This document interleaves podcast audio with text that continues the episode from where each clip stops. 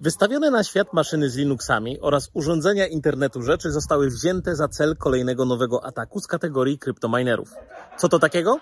Ano prosta sprawa. Ktoś infekuje systemy i wykorzystuje ich zasoby, aby wykopywać kryptowaluty na swoje konto.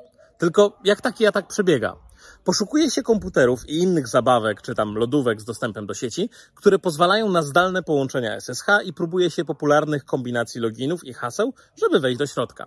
Kiedy się to uda, na maszynie ląduje zmodyfikowana wersja serwera OpenSSH, która nie tylko utrudnia odkrycie, że w naszym systemie dzieje się coś niedobrego, ale też wykrada poświadczenia i próbuje uzyskać dostęp do innych urządzeń w sieci ofiary.